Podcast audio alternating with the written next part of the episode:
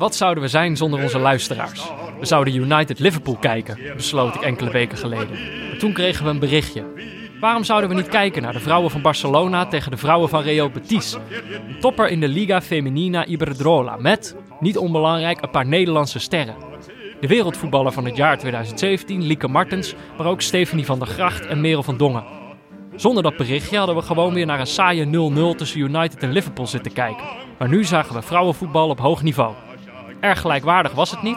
Barcelona won met 3-0, maar het was wel eens wat anders. En dat alleen voelt al goed.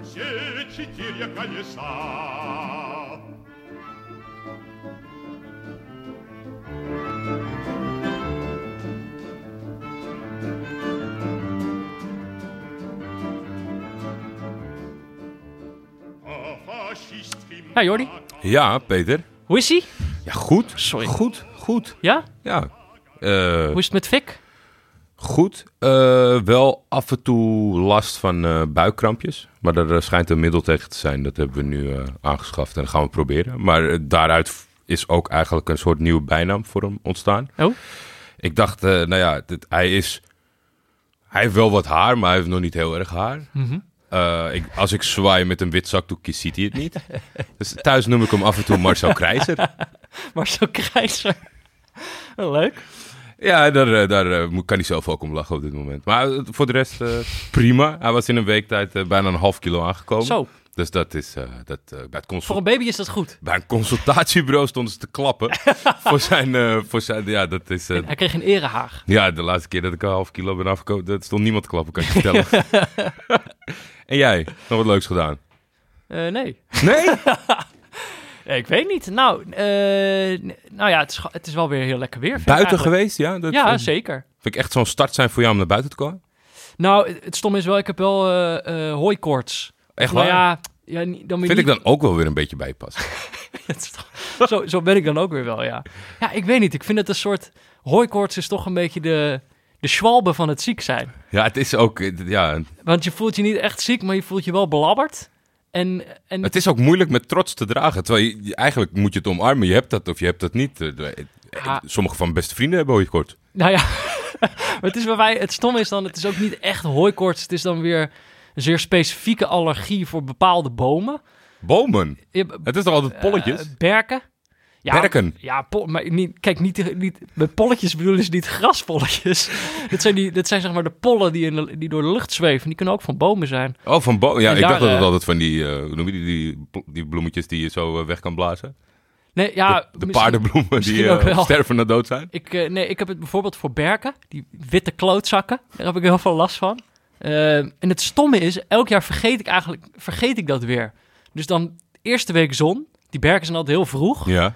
Eerste week zon ben ik dan meteen eh, ge- gevloerd door, eh door hooikoorts. En dan altijd verrast het me weer.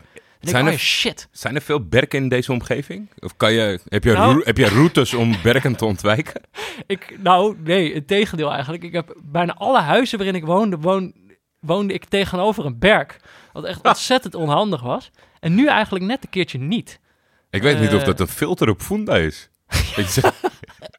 ik wil wel een tuin, maar geen Dus in de buurt. met, met middelbare scholen. Dan mag er binnen een straal van zoveel kilometer geen koffieshop staan. Ja. Dat zouden ze met mij in Berken moeten doen. Nee, ik eh, nu niet echt in de buurt.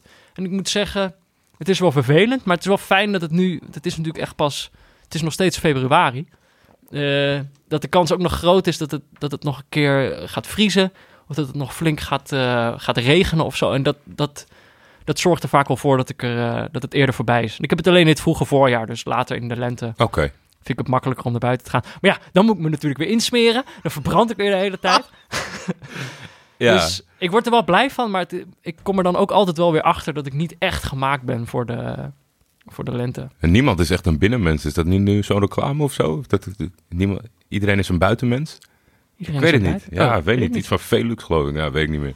Ik vind het lastig om over reclames te praten. Joh. Ja, ik ook. we- Ik ook. Gevoelig onderwerp. Onze eerste reclameloze aflevering. Ja, ik ga wel even reclame maken voor het leukste boekenbedrijf eh, wat jou ook bekend is, Das Mag. Oh, Want eh, ja, niet iedereen zit natuurlijk op mijn Instagram. Dat is privé.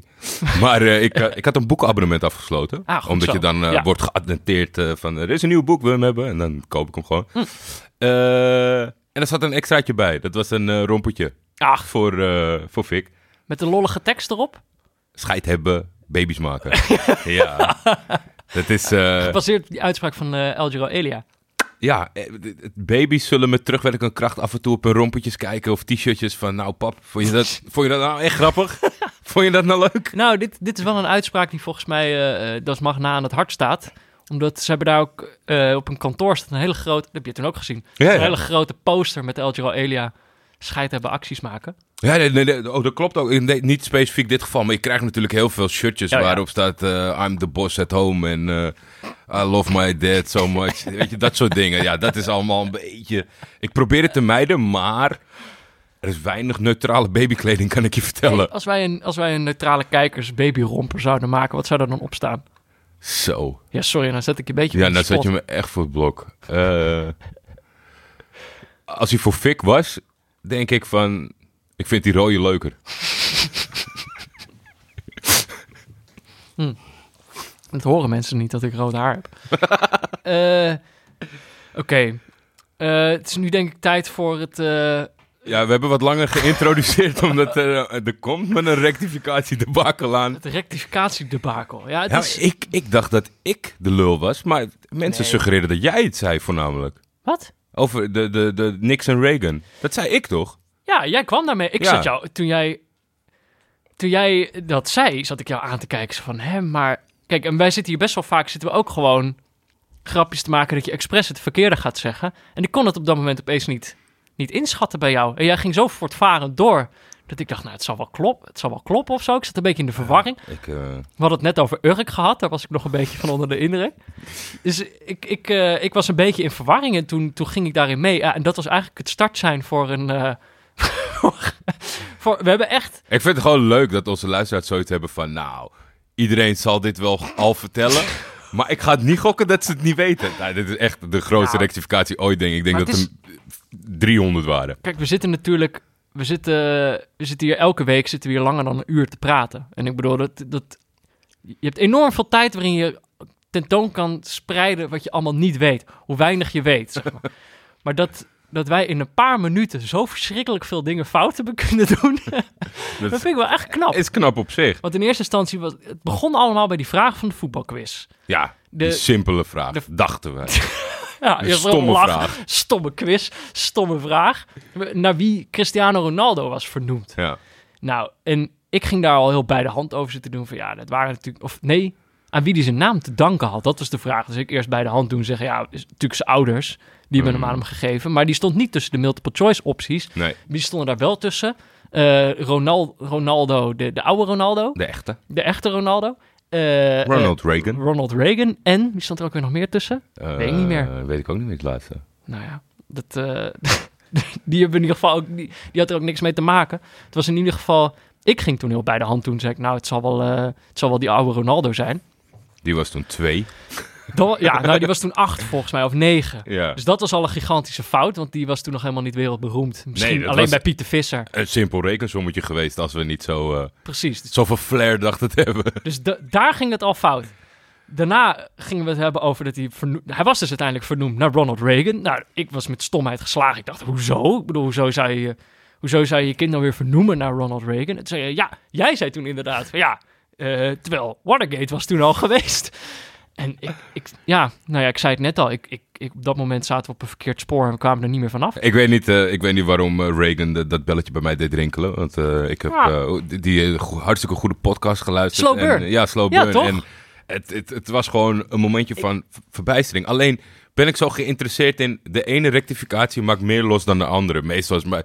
Ondanks dat het toch best wel grote fout kan zijn... dan zijn het misschien de twee of drie. Ja, Maar me- dit is echt heel gevoelig. Mensen vinden...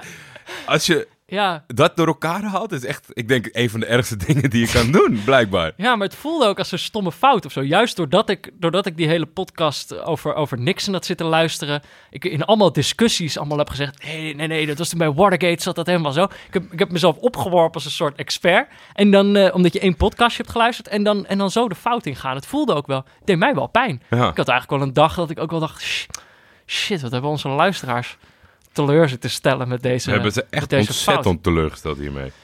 Nou ja, is goed. Worden we weer nederig van. Dan moeten we Absoluut. een beetje beter opletten. Ja, want we hebben ze een paar keer natuurlijk uitgedaagd van... Nou Precies. jongens, hey.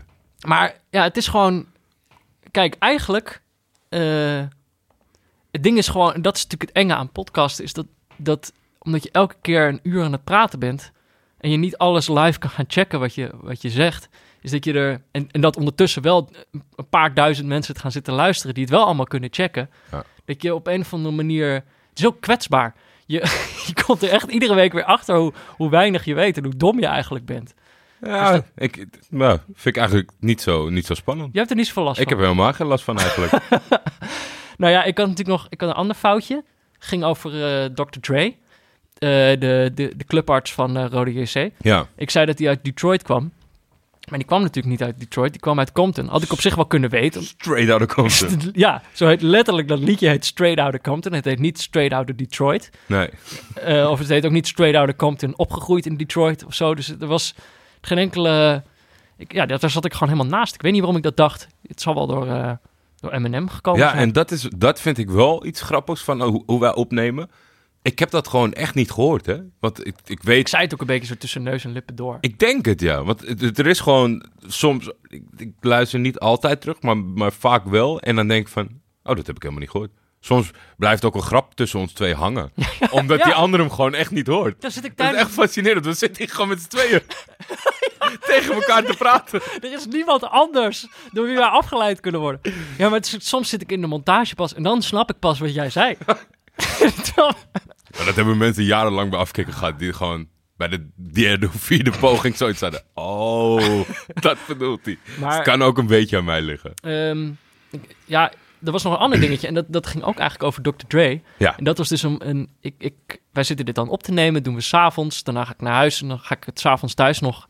eh, Draai ik de aflevering in elkaar, monteer ik het en dan... eh, Zorg ik dat het online komt ergens midden in de nacht. Dan lig ik al wel in bed, maar dan staat hij, eh, staat hij ingepland.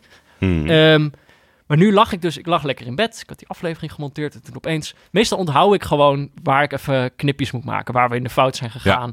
Waar ik even moet herstellen. Het is ook makkelijk, want meestal is het er maar één of nul. Precies. Eigenlijk, ik hoef heel zelden, heel zelden hoef ik maar te knippen of, eh, of horen we pas een paar dagen later wat we allemaal hebben fout gedaan. Maar nu in dit geval schrok ik opeens zo. Weet je wel, dat je net lekker, Ja. net ligt net een beetje in te dommelen. Schrok ik opeens wakker, omdat ik me herinnerde dat ik één knip vergeten was te maken. En dat ging over Dr. Dre. Want we hadden in eerste instantie de grap gemaakt dat het de clubarts van MVV was. Toen zei je, nee joh, nou hebben we het voor, twee weken geleden hebben we het al over die clubarts gehad. Je moet een andere zeggen. Dus ik dacht van, nou ja, het is, was volgens mij nog net geen 12 uur, of het was misschien net half één of zo. Ik dacht, ik kan het gewoon dat stukje eruit knippen, want je hoort gewoon hoe wij onszelf live zitten te rectificeren. en hoe wij hetzelfde blokje nog een keer doen met dezelfde energie. Ik dacht, het is zo, dat is zo, hoe zeg je dat? Zo ontoverend, dat mensen dan opeens horen dat wij ook heel, heel spontaan kunnen zijn als het niet spontaan is. dacht ik, ja, dat moet er, ik moet dat aanpassen zo snel mogelijk. Dus ik had het heel snel aangepast. Je kunt dan in Art 19 zonder de aflevering online, offline te halen, kun je zelfs gewoon de hele Nog file... nee, je kunt de file vervangen. Oké, Dus opnieuw gemonteerd, opnieuw geüpload, vervangen. Dus ik dacht, hoe, niks aan de hand. die, eh, die kogel hebben we gedodged. Eh, zit, ik, zit ik twee dagen later naast een collega. Die zegt tegen mij, heb je nog op je kop gekregen? Ik zo, oh shit, die gaat hier weer over niks beginnen.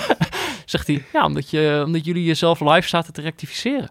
Ik zo, hè? En toen, op dat moment bleek dus dat niet in alle feeds dan ook meteen die file gerefreshed wordt. Oh. Dus som, som, waarschijnlijk zal het met je instelling op je telefoon te maken hebben... dat je dan heel de aflevering al hebt binnengehaald. Dus er zijn waarschijnlijk heel veel mensen die dat gewoon gehoord hebben. En heel veel mensen die ons ja, op er was eentje, een, een, een eh, luisteraar die dat vermeldde. Maar toen dacht ik van, Maar heeft- hij de, de uncut versie gehoord? Want anders zou iedereen daarover beginnen, denk ik. Maar inderdaad, eh, sommigen hebben dat dus gehoord. Ja, sorry daarvoor. En het, het- eerder heb ik ook een keer, eerder, eh, een paar weken geleden, een paar maanden geleden, stond er ook, was er een keer een muziekje verkeerd verschoven. Waardoor Mhm. er opeens onder een ander, ander stukje, een stuk muziek zat. Heb ik ook niemand over gehoord, maar dat heb ik ook nog later pas hersteld. Dus dan, ja, ik weet niet. Mensen horen dan opeens. Een stukje creatieve vrijheid die wij hebben. Dat kan. En daar, daar moeten we het altijd... Precies. Als wij het over Reagan hebben, dat is gewoon creatieve vrijheid. Ja, Waarom mag dat niet? je weet toch waar we het over hebben? Precies. Daar draait het eigenlijk om. Ehm, nog een paar andere dingetjes. Lieve Jordi en Peter, nou dan ben ik altijd, eh, dan, dan begin ik al goed. Stel jullie vragen. Nee, en, en beste Pieter staat er nog achter. Oh, sorry, sorry Pieter. Sorry. Lieve Jordi en Peter. En beste Best- Pieter. Beste Pieter. Stel jullie vragen je in onzekere tijden eens af of Pieter Zwart zelf wel naar neutrale kijkers luistert. Dan was zijn minuut van deze week negatief verhelderend. Hij luistert duidelijk niet. Hebben we afgelopen WK immers niet een paar keer per week rectificaties gehad over het verschil tussen erger en irriteren?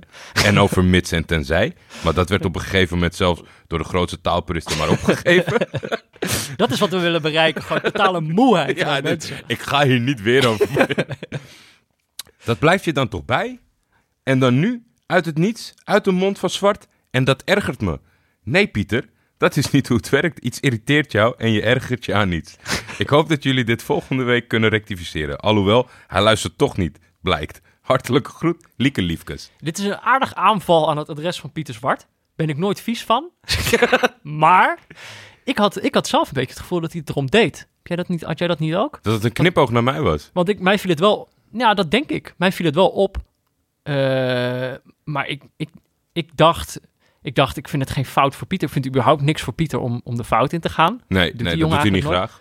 En, ander ding wat ik moet zeggen. Deze jongen luistert sowieso, altijd. Dit is de eerste reactie die we altijd krijgen. Is gewoon de volgende ochtend. Hij is de, Ik ben- e- de eerste, denk ik. Precies, ik ben mijn bed nog niet eens uit. en die gast die zet al op, al op een rij op welke rectificaties wij allemaal kunnen gaan rekenen.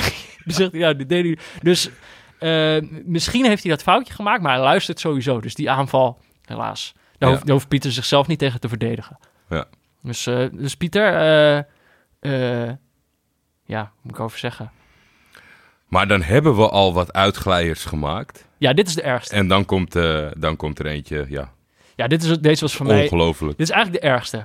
Mensen denken dat, dat Nixon en Reagan erg was. Dit was eigenlijk de ergste. Eh goedendag heren, ik moet Pe- helaas Peter rectificeren op een uitspraak. Peter had het erover dat Pro Piacenza met rust 15-0 achter stond tegen Cuneo. Maar dat was helaas zowel voor Peter als voor Pro Piacenza niet het geval. De ruststand was namelijk 16-0. Met vriendelijke groet, Mark Knot. PS, Peter, neem het niet te zwaar op. Dat vind ik wel weer heel vriendelijk. Ja, ik dacht, ik ging er echt vanuit dat het 15-0 was bij rust. Ik vind het een beetje raar dat ze dat niet netjes afronden. Ja, Stop je toch gewoon bij 15? Tweede helft maak je er nou ja, daar hebben we het natuurlijk uitgebreid over gehad. Eh, In mijn geval had je kunnen stoppen bij 3-0 tegen twee kinderen en eh gehandicapte keeper. Maar eh, het was 16-0. Ja, het klopt nou helemaal. ja, Oké. Ehm, hey, dan zijn we er doorheen, toch? Of, Ja, dat was het wel zo. Vond je niet genoeg?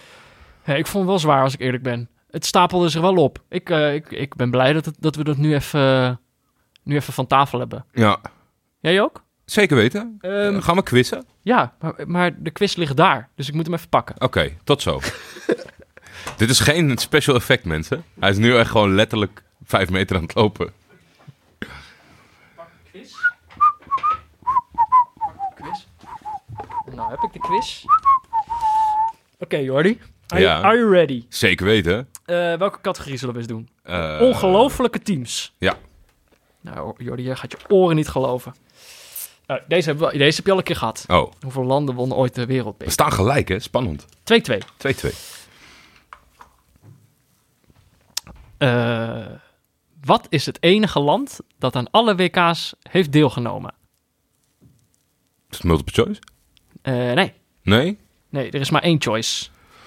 Eh, het land wat aan alle WK's heeft deelgenomen, dat zal dan wel Brazilië zijn? Oeh. Ik ben benieuwd. Weet ik niet. Even checken op welke... Oké. Weet ik niet. Ik dacht zelf een andere, maar... Wat dacht jij? Uruguay? Ja, maar je hebt, jij hebt gelijk. Het is Brazilië.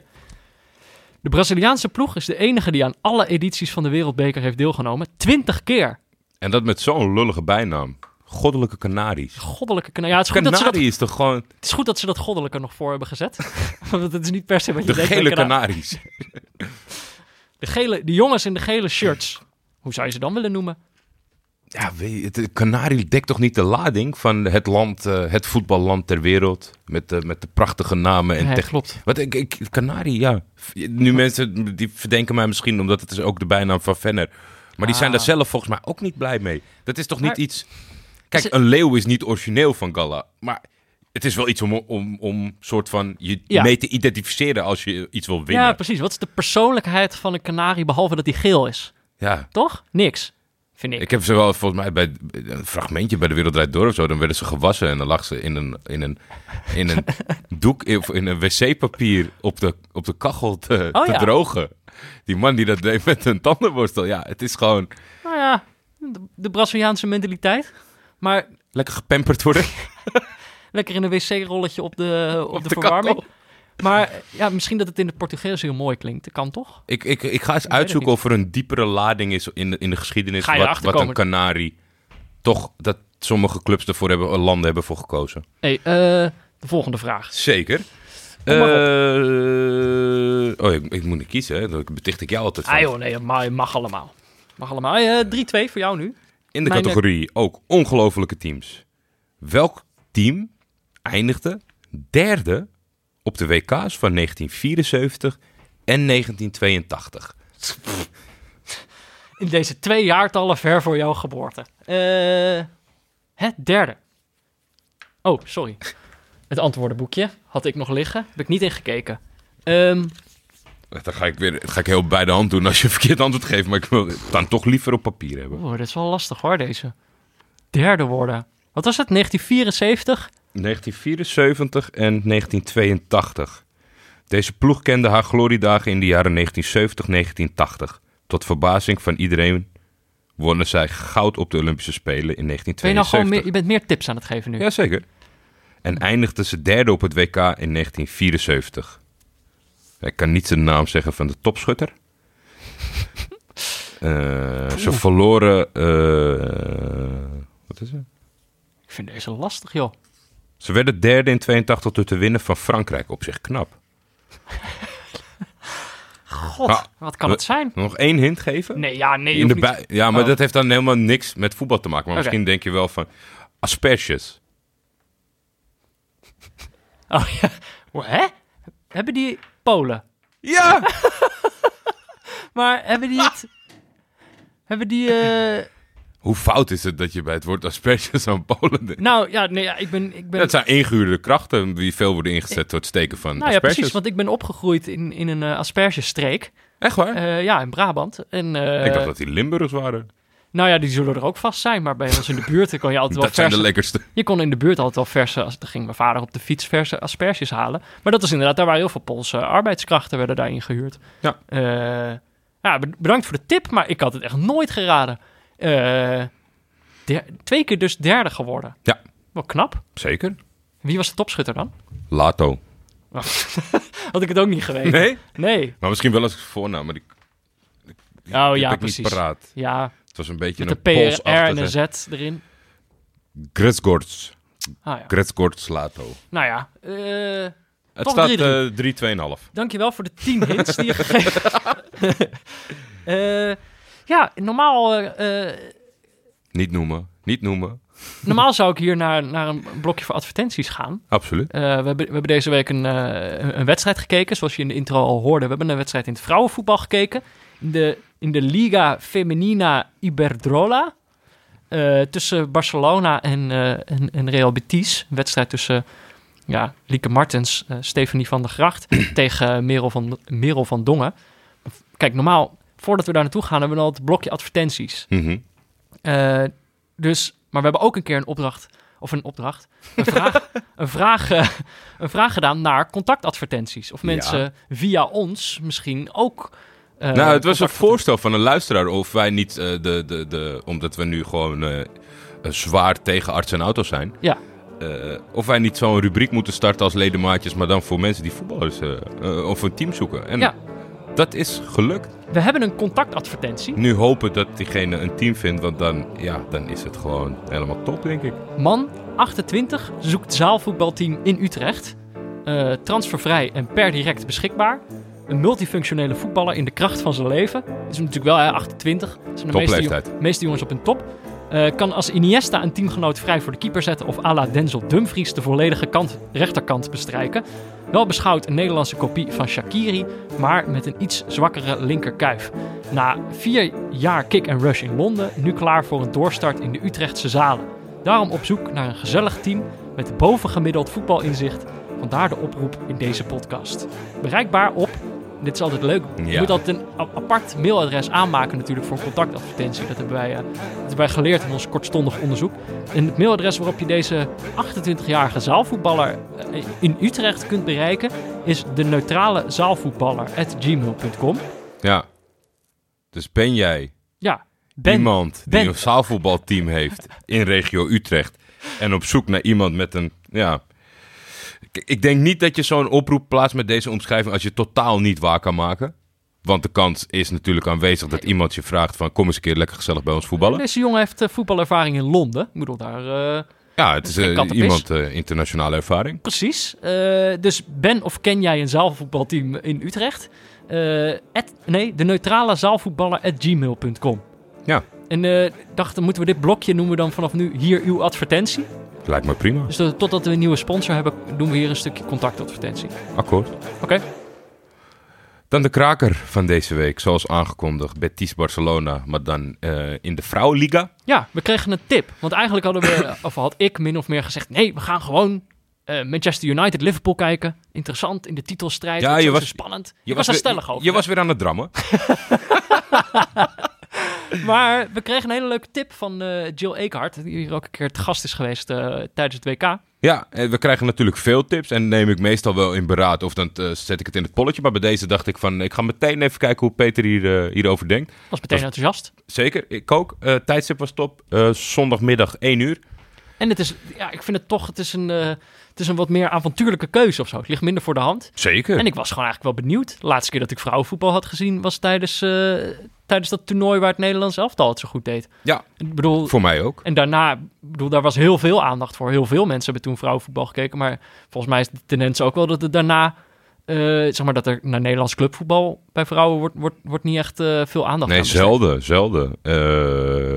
En ik denk ook dat eigenlijk beetje problematisch is, want er zit natuurlijk een WK aan te komen en dan gaat iedereen precies weer hetzelfde doen. En Ja. natuurlijk heeft het ontzettend geholpen, denk ik, qua imago en qua interesse. En als die dames spelen, is het binnen de kortste keren uitverkocht. Maar het is niet echt systematisch. Het is eigenlijk gewoon een beetje, nou, van- van anderen dan die al misschien reeds geïnteresseerd waren. Of die dochters die zijn op voetbal gegaan, eh, de meisjes. Ja. Ja, gewoon een beetje Polonaise publiek. Nou ja, en het is natuurlijk... eh, kijk, heel veel van de, de, die goede Nederlandse spelers spelen allemaal in het buitenland. Ja, Eh, we hadden er in deze wedstrijd ook drie. Lieke Martens, dat is toch de, de, beste, de beste, zou je wel kunnen zeggen. Wereldvoetballer van het jaar in eh, 2017. zeker. Een compleet plaatje. Eh Stefanie van der Gracht is volgens mij net naar Barcelona gegaan. Ja. En Merel van Dongen speelt bij eh, Real Betis. Sinds het begin van dit seizoen. Ja, die zat hiervoor bij Ajax. Ja, Eh, maar ja, dan zie je dus dat soort spelers die vertrekken uit Nederland, die gaan dat dan toch in een andere competitie eh, doen. En wij dachten deze keer dus, op aanraden van Jill, dachten we, nou, dan gaan we eens kijken hoe dat dan gaat. Ja, het werd Toch? goed, eh, goed verpakt als zijn een spannend eh, duel eh, op de ranglijst. Nummer twee. Ja, en Barcelona had net puntverlies geleden. Dus er leken mogelijkheden voor Betis. Maar ja, ik moet heel eerlijk zijn. Ja, als je dan zeker in de buitenlandse competitie... Ik moest even wat research doen over, over de situatie. En daar kwam ik achter eigenlijk best wel leuke dingen. Barcelona is natuurlijk een, een, een clubnaam die tot de verbeelding spreekt. Waarbij je meteen denkt aan een goed gevulde clubkast. De vrouwentak is naar het niveau van de heren toe gegroeid de afgelopen jaren. Maar vier achtereenvolgende landstitels tussen 2011 en 2015 eh, werden onderbroken Ja. door eh all-time vrouwenkampioen in Spanje is dus Atletiek Bilbao. Vond Ja. ik ook wel grappig. Vind ik wel leuk. Ik, ik ben er nog niet zo snel achter gekomen of zij dat op een identieke manier doen als, eh, als de herentak, waarin dus geen, waar niet-Basken niet worden geaccepteerd. Ja, jij Was- zegt altijd, is, het, is dat leuk of is dat eng? Was, hebben we Ja, ja, oh, zeker. gezegd. Ja, nee, maar het is natuurlijk heel dubbel. Want ik, heb altijd gedaan, oh, dat vind ik zo knap. Maar aan de andere kant heb ik ja, met Chapal wel eens over gehad dat eigenlijk ook wel een beetje, ja, sectarisch niet- is. Ja, het is niet, voelt niet helemaal lekker. Daar ben ik Nee. het ook wel mee eens. Maar ik weet ook niet of ze dat... Ja, bij de vrouwen zullen ze dat ook doen. Het zal wel, toch? Denk je van niet? Ja, het, het lijkt me, niet het je- lijkt me wel. Ja. Als dat echt gewoon, eh, als je dat omarmt als, als, als mannentak, dan zal je dat wel de enige regel zijn. Ja. Dat het lokale vrouwen moet zijn. Maar, Maar, die, die voetballen er ook het langs. En die, hebben ook, eh, die staan nummer 1 alle tijden. Maar die hebben gewoon wat meer seizoenen erop zitten dan de rest. Afgelopen jaren is daar, was daar ineens Atletico Madrid. ja, dat ook een beetje- van dit moment. Ook ja, op dit moment zeker. De, twee keer, eh, de laatste twee keer kampioen geworden. En nu ook gewoon mijlenver voor. 9 punten voor op Barcelona Ja. voor dit weekend. Ja. En 26 op, eh, op Betis, wat eh, de nummer 5 was. Ja, dus er zat, we keken naar de nummer 2 en de nummer 5. maar dat was, daar zat dus best wel een groot verschil tussen. Ja. Ehm, en hoe zit het met Be- Betis? Hoe lang doen die het al? Ja, die doen het dus pas eh, sinds, eh, sinds heel kort. In 2011 eh, hebben zij, ja, wat je veel ziet denk ik bij profclubs, die kopen dan de meest succesvolle, of, of omarmen de meest succesvolle vrouwenclub die er is. Dat is, was in hun geval Azahar CF. Eh, kwam een plekje vrij, want het lukte ze niet om meteen te promoveren. En na drie seizoenen op het tweede niveau promoveerden ze. En daar zitten ze, dit is hun derde seizoen op het hoogste niveau. Eerste jaar werden ze elfde, vorig jaar zesde.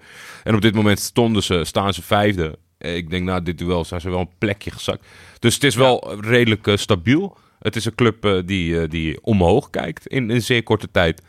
En het, ja, het lijkt mij een, een, een ideaal scenario. Ik denk dat misschien het contract vergelijkbaar is met een Ajax, maar dat je dan in Sevilla zit. Ja, precies. Dus ik, ik snap Merel Het wel. is lekkerder weer. Ja, Het is, ehm, eh, ik zei tegen jou, want jij zei van nou, we moeten wel kijken of we, of, of we die wedstrijd ergens kunnen zien. Toen zei ik zo tegen jou van nou ja, komt wel goed. Ik bedoel, als we een, Tsjechië, als we een topper uit Tsjechië hebben kunnen zien, ja. dan kunnen we ook echt wel een topper uit de, de Spaanse vrouwencompetitie. Weet je wel, waar gewoon de, een paar van de beste vrouwelijke voetballers ter wereld op het veld staan. Moet dan toch ook lukken? Ja, dat, is, eh, dat is nog lastig. Want dat is een beetje na, na, de, na de pure feiten van de competitie. Ben, ik, ik kijk zoals altijd, wie heeft de rechten, wie zendt het uit. Ja, En ik had al een beetje rondgevraagd eh, aan, aan de betrokken spelers zelf van hoe, hoe gaan wij dit zien? ja. En dat was dan wel eh, mogelijk via stream. En dan moest je met, eh, met VPN gaan werken, want dan, het was een open zender, maar alleen voor Spanjaarden. Het aanbod is heel karig. En er is, voor zover ik kon vinden, amper coverage zeg maar, over... Nou, vandaag staat dit duel op programma. Zeg maar, eigenlijk wat we gewoon gewend zijn vanuit het mannenvoetbal. Er is soort van niks. eh, Vrouwenvoetbal staat niet op livescore bijvoorbeeld. Nee. Eh, En het was ook. eh, Ik, ik had uiteindelijk die zender wel aan de praat gekregen. Ja. en jij- ook. Met, Mhm. Ik had hem behulp, met behulp van jou aan de praat gekregen. Maar inderdaad, dan was tien minuten voor die wedstrijd.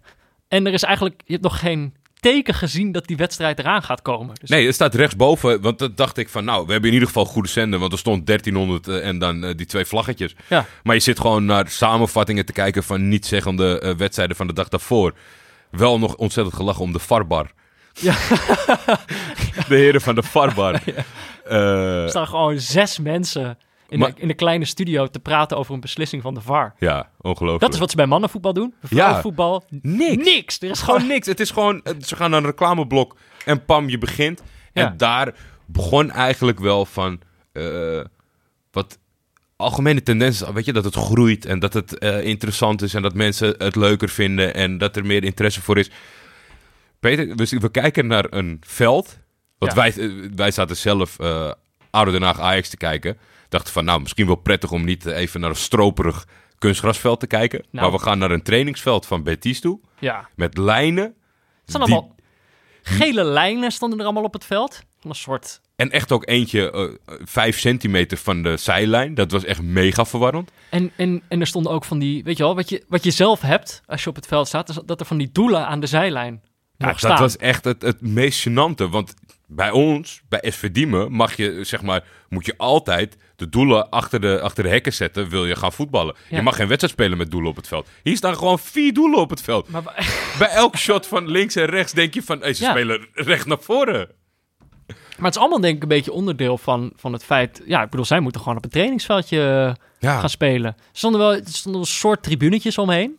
ja. Dat zal dan misschien ook wel nog wel verplicht zijn. Maar eh, nou ja, uit, uit meerdere dingen bleek nog wel dat, dat vrouwenvoetbal wel een, eh, een, een ondergeschoven kindje is. eh, ook bij dit zeker soort clubs. weten. Maar er was laatst, want dat was heel toevallig. Want ik- daarom verwachtte ik een andere ambiance. Maar toen ik een beetje research zat te doen, zag ik dat ze alle, bijna allemaal op de trainingscomplexen van de, van de mannentakken spelen. Want eh, er was een bekerfinale laatst, eh, volgens mij in het stadion van Bilbao. Mhm. En die was tot een knock-toe uitverkocht. Dus de potentie is er wel. Ja. Maar ja, zo zet je geen stap Ja. verder. Want hier konden maar En ik kan, me, 100 mensen terecht. ik kan me ook beelden herinneren van... eh, eh, nou, wel iets meer dan 100 denk ik. Maar ik kan me ook beelden herinneren van, van, dat, van dat Barcelona met Lieke Martens. eh, waarin ze in dat trainingsstadion van, van Barcelona ja, ja. Zij spelen. spelen ook op het trainingscomplex. Ja. Ja. nou ja, maar wel, wel ook in een meer een stadion dan wat dit was, zeg maar. Ja, dit, ja, dit was echt niet meer dan een, dan een trainingsveld. Maar goed, het voetbal was goed. Toch? Ik bedoel, daar, dat was, daar kunnen we het over eens zijn. Er werd wel goed voetbal op de mat gelegd. Nou ja, ik moet zeggen, het, het, het begon eh, eh, spectaculair. Het was ook vrij duidelijk wie de betere was. Ja. Want Ja. Betis had het ontzettend zwaar. En het is eigenlijk niet minder zwaar geworden ge- tijdens het duel. Het was gewoon... Die verdedigers van Barcelona hebben denk ik 90 minuten lang op de middenlijn gestaan. Ja, dat is echt... Ja, ik, ja, dat is natuurlijk ook... eh, op een gegeven moment merkte ik wel dat in de wedstrijd dat ik iets... Dat ik een soort van Piet Zwart blik wilde op dit voetbal. omdat ik denk van, nou ja, het is allemaal redelijk nieuw en, eh, en dat soort dingen. Maar ik wil ook wel kijken hoe ze staan. Ja. Maar dat is echt bizar. Ze hebben gewoon een driemansverdediging bij Barcelona die vijf meter achter de middenlijn staat. Ik vond, een, eh, ik vond die verdediging echt hartstikke leuk. Je hebt daar natuurlijk, staat Stephanie van der Gracht. Dat is een, eh, dat is een goeie. Ja. een Nederlander. Eh, maar daar staat dan er staat nog iemand naast. Die is minstens zo groot en zo sterk. Ja, En dan staat er nog een, eh, nog een, derde, een soort Busquets-achtige eh, speler. Dus dan toch waar je aan denkt als een Barcelona-shirt aan hebt. Maar jij moest aan Fellaini denken door het kapsel. Het hele, ja het was eh, simpel gemaakt. Wat ze, ze heet Hamraoui. Mhm. Dus ik denk ook Ah, dat ze enige Arabische roots Mhm. heeft. En ze had een, een flinke blonde, blonde dos. ja, En eh, die, die, die, die vond ik goed. Die speelde hard. En die zat, eh, nou, tenminste, fair en hard. Ja. Want over het algemeen gebeurde weinig overtredingen, moet ik zeggen. Ik had Ja. wel verwacht dat uit Betty's hoek op een gegeven moment mensen misschien een keer de trapjes zouden uitdelen. Had misschien ook wel geholpen.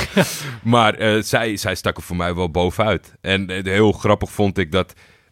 wij waren toen zo verbaasd over het sterrendom van Alexander Surlot Ja, bij AA Gent. en dat was nu een beetje hetzelfde geval. Nou ja, niet, niet zo omdat we van tevoren een oordeel hadden. Maar eh, Duggan, Tony Duggan. Tony Duggan, Ja, veel genoemd, het wordt veel ingespeeld. een Engelse spits. Ja, die is met veel bombardie. was een grote transfer, een beetje ook eh, samen met Lieke Martens. Ja, Kwam het- niet zo lekker uit de verf. Nee, ik vond... Kijk, het ding is dan... Het is, wij, wij zien dat niet elke week. Dus dan... je gaat een beetje af op wat de commentator zegt. Nou goed, dan heb je nog een Spaanse commentator ook. Dus, maar die was wel heel, heel leuk. Je had, je had een, een man en een vrouw. Ja. En eh, allebei ontzettend eh, enthousiast. Ik heb er weinig van verstaan.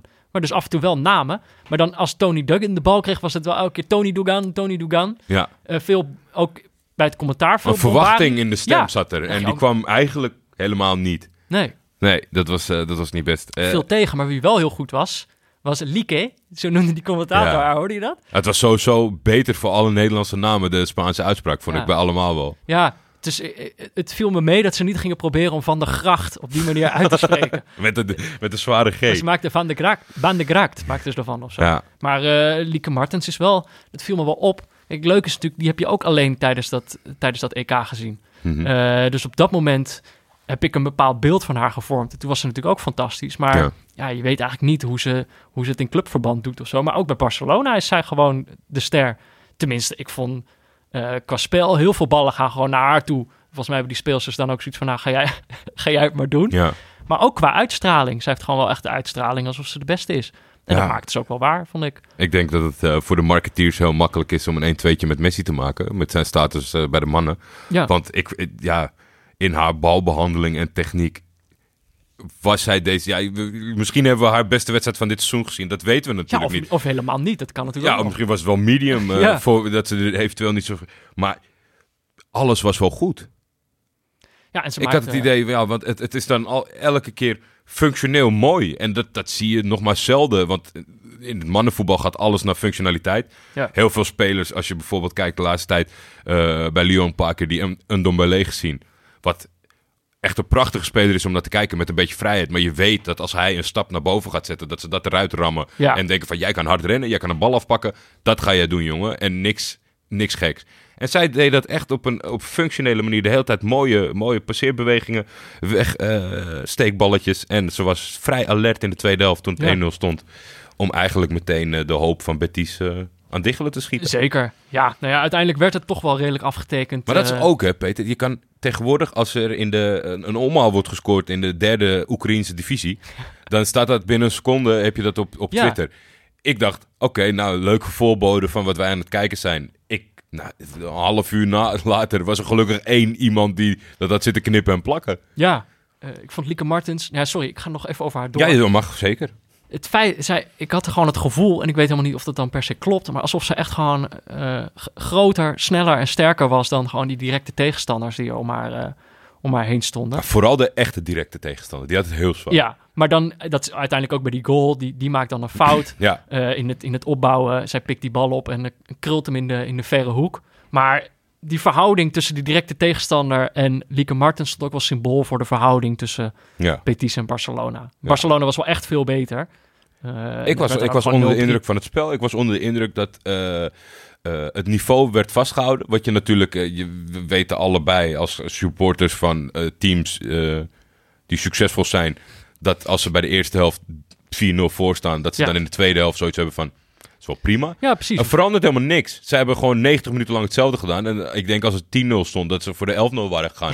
Het was echt gewoon continu hetzelfde. Het was, ik had wel een beetje te doen met Betis. Ik Ja. was altijd, zeg maar, bij het EK vond ik de ploegen echt wel af en toe leuk voetbal spelen. Maar ik ben altijd heel kritisch geweest. En dat is ook goed toegelicht wel eens dat de keepers. Omdat Ja. het doel gewoon net zo groot is. En ze natuurlijk fysiek iets kleiner zijn over het algemeen. En iets minder Ja, sprongkracht precies. hebben. Dat is natuurlijk over Lamproe is er dan zo'n hele discussie over dat hij te klein is. Maar je Ja. hebt natuurlijk gewoon bij Betis stond de vrouw in, de- in de goal die denk ik nog een kop kleiner is dan, dan Ja. Lamproe. Maar ik vond haar heel goed. Dus die was super Zij goed. heeft echt, echt het tegengehouden dat de monsterscore werd. Ja, zonder haar was het inderdaad echt wel tien Ja. geworden, denk ik. Ja. ja, die was heel leuk. Dat was heel goed. Maar ja, Van de Gracht had het dus eh, makkelijk als Nestor achterin. Ja, Laatste man. Eh, ja, of, hoe- ja, ja, zei dat hoe moet je dra- dat zeggen? Ja, volgens mij, ik weet niet of we het hier wel eens over hebben gehad, maar ja, volgens mij vinden ze het gewoon prettig als je dat ook gewoon, Ja, dat je niet heel geforceerd laatste vrouw gaat zeggen. Omdat het een bestaande term is uit precies. het voetbal. En Merel van Dongen, ja, die, die, die, dat was... aan Betis kant, ja. eh, Wat vervelender natuurlijk. Die heeft een iets Ja, minder natuurlijk. leuke wedstrijd gehad. veel tegenhouden en, en, en ik denk wel een beetje sturing geven aan de defensie. Maar dat, dat, dat, dit was niet te overbruggen. Nee, Het werd echt aan van alle kanten kwamen ze langs. En dan hadden ze nog, eh, ik denk met twee factoren, dat de keeper zo goed was, Dolan. En dat Duggan, Dugan, niet zo, eh, niet, eh, niet, op scherp, niet scherp was. ja. Ehm, dus het, oordeel, de vraag die we altijd stellen, was het een goede wedstrijd voor de neutrale kijkers? Ik zou zeggen, op basis van het wedstrijdbeeld, niet. Zeg maar, als we zo'n wedstrijd bij de mannen zouden zien, dan zouden wij zeggen, Nee, daar zijn we veel te zeker eenzijdig. kritisch over geweest. Ja, Ja. dan is het veel te eenzijdig. Dan, we willen eigenlijk altijd twee ploegen zien die meedoen. Dat was hierbij niet echt het geval. Maar ik merkte wel gewoon, als je dus gewoon eens een keer eh, een, een, een, een andere keuze maakt dan die je normaal maakt. Dus je zegt gewoon een keer van, nou, we gaan niet Premier League kijken, maar we gaan eh, eh, de, de Primera Division voor vrouwen kijken. Dat dat eigenlijk, dat maakte de hele ervaring van de wedstrijd kijken voor mij al veel leuker. Dat je gewoon eens een keer wat anders aan het kijken bent. Ja, met, ik merkte dat ik gewoon wel een stukje nieuwsgieriger ben, doordat je al die spelers niet kent.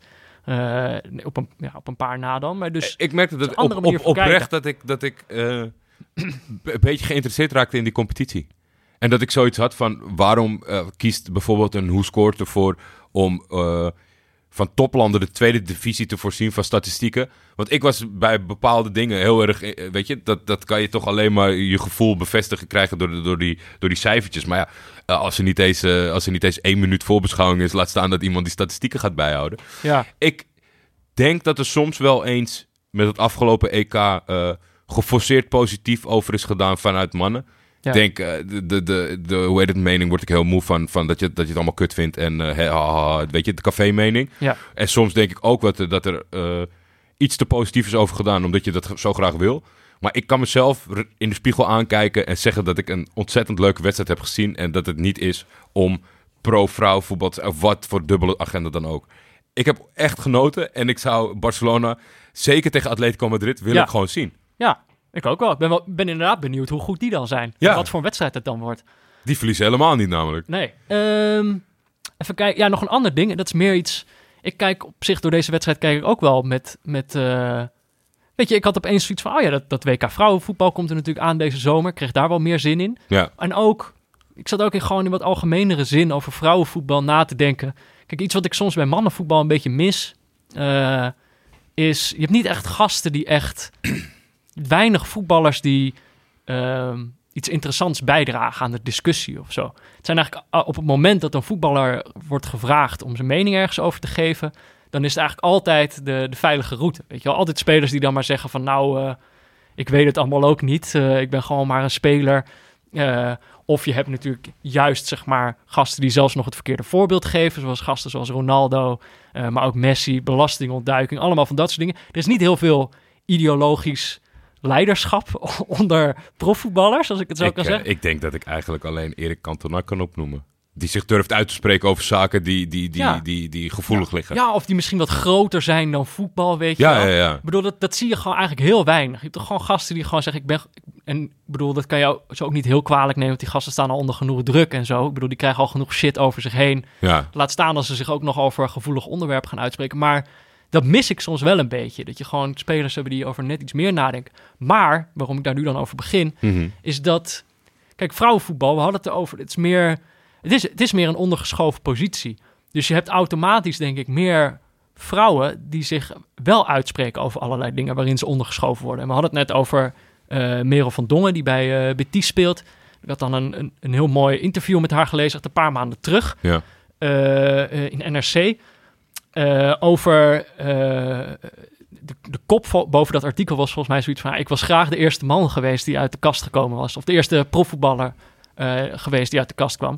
Uh, want zij is uit, uit, de kast gekomen, zeg maar, maar dan als vrouw. Ja. Uh, dat is echt wel een heel interessant gesprek over uh, hoe, hoe het zeg maar is. Je hebt al allerlei clichés over vrouwenvoetbal. Van oh, je, je, zal wel lesbisch zijn als je dat doet. Nou ja, goed. En dat cliché klopt dan bij haar, of in ieder geval ja, maar tot op dat, dat feitelijke dat, niveau. Dan. Ja, maar het is niet voor niets een cliché. Nou ja, en in ieder geval, ik vond, wat ik er zo fijn aan vond, is dat, dat je iemand hebt die daar op een heel intelligente manier over kan praten.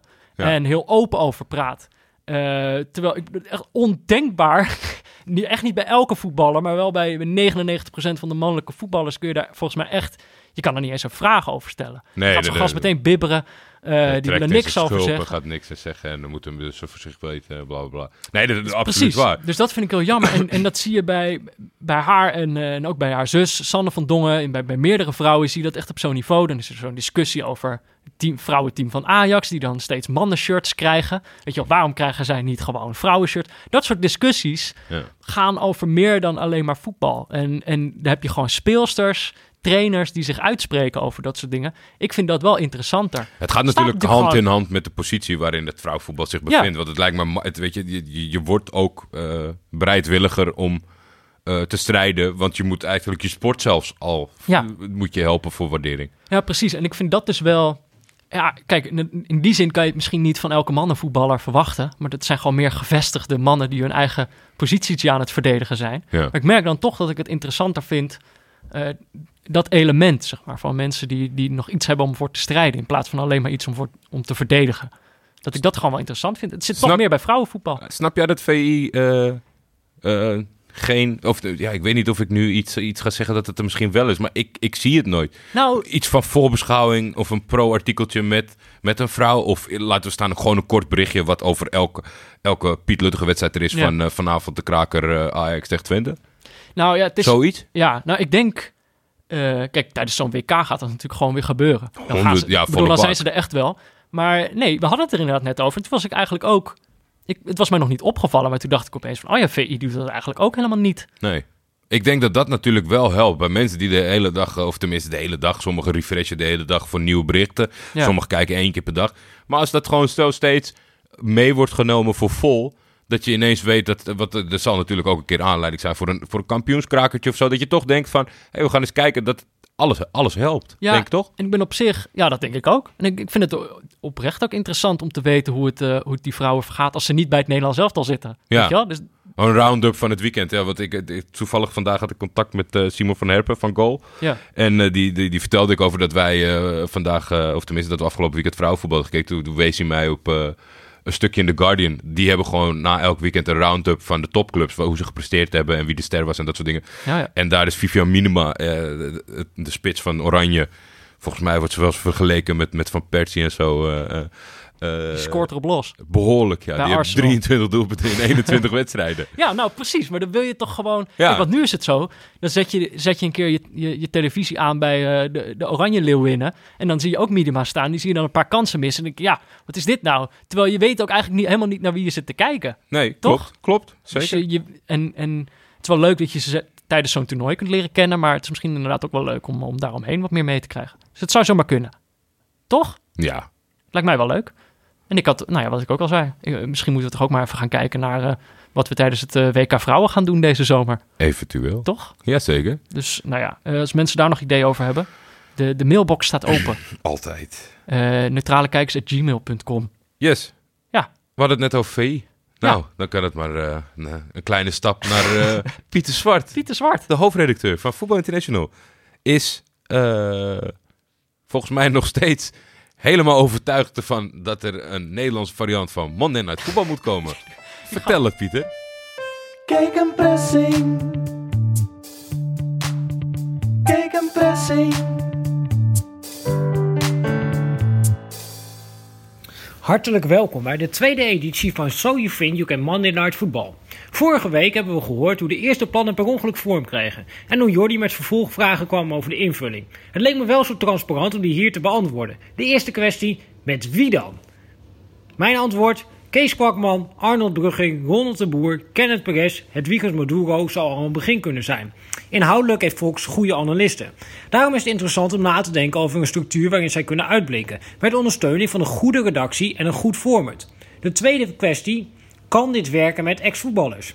Antwoord, ja, natuurlijk. Misschien niet met Rafael van der Vaart, maar niet iedere ex-prof is een Rafael van der Vaart.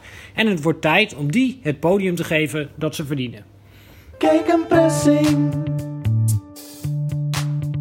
Kijk een pressing.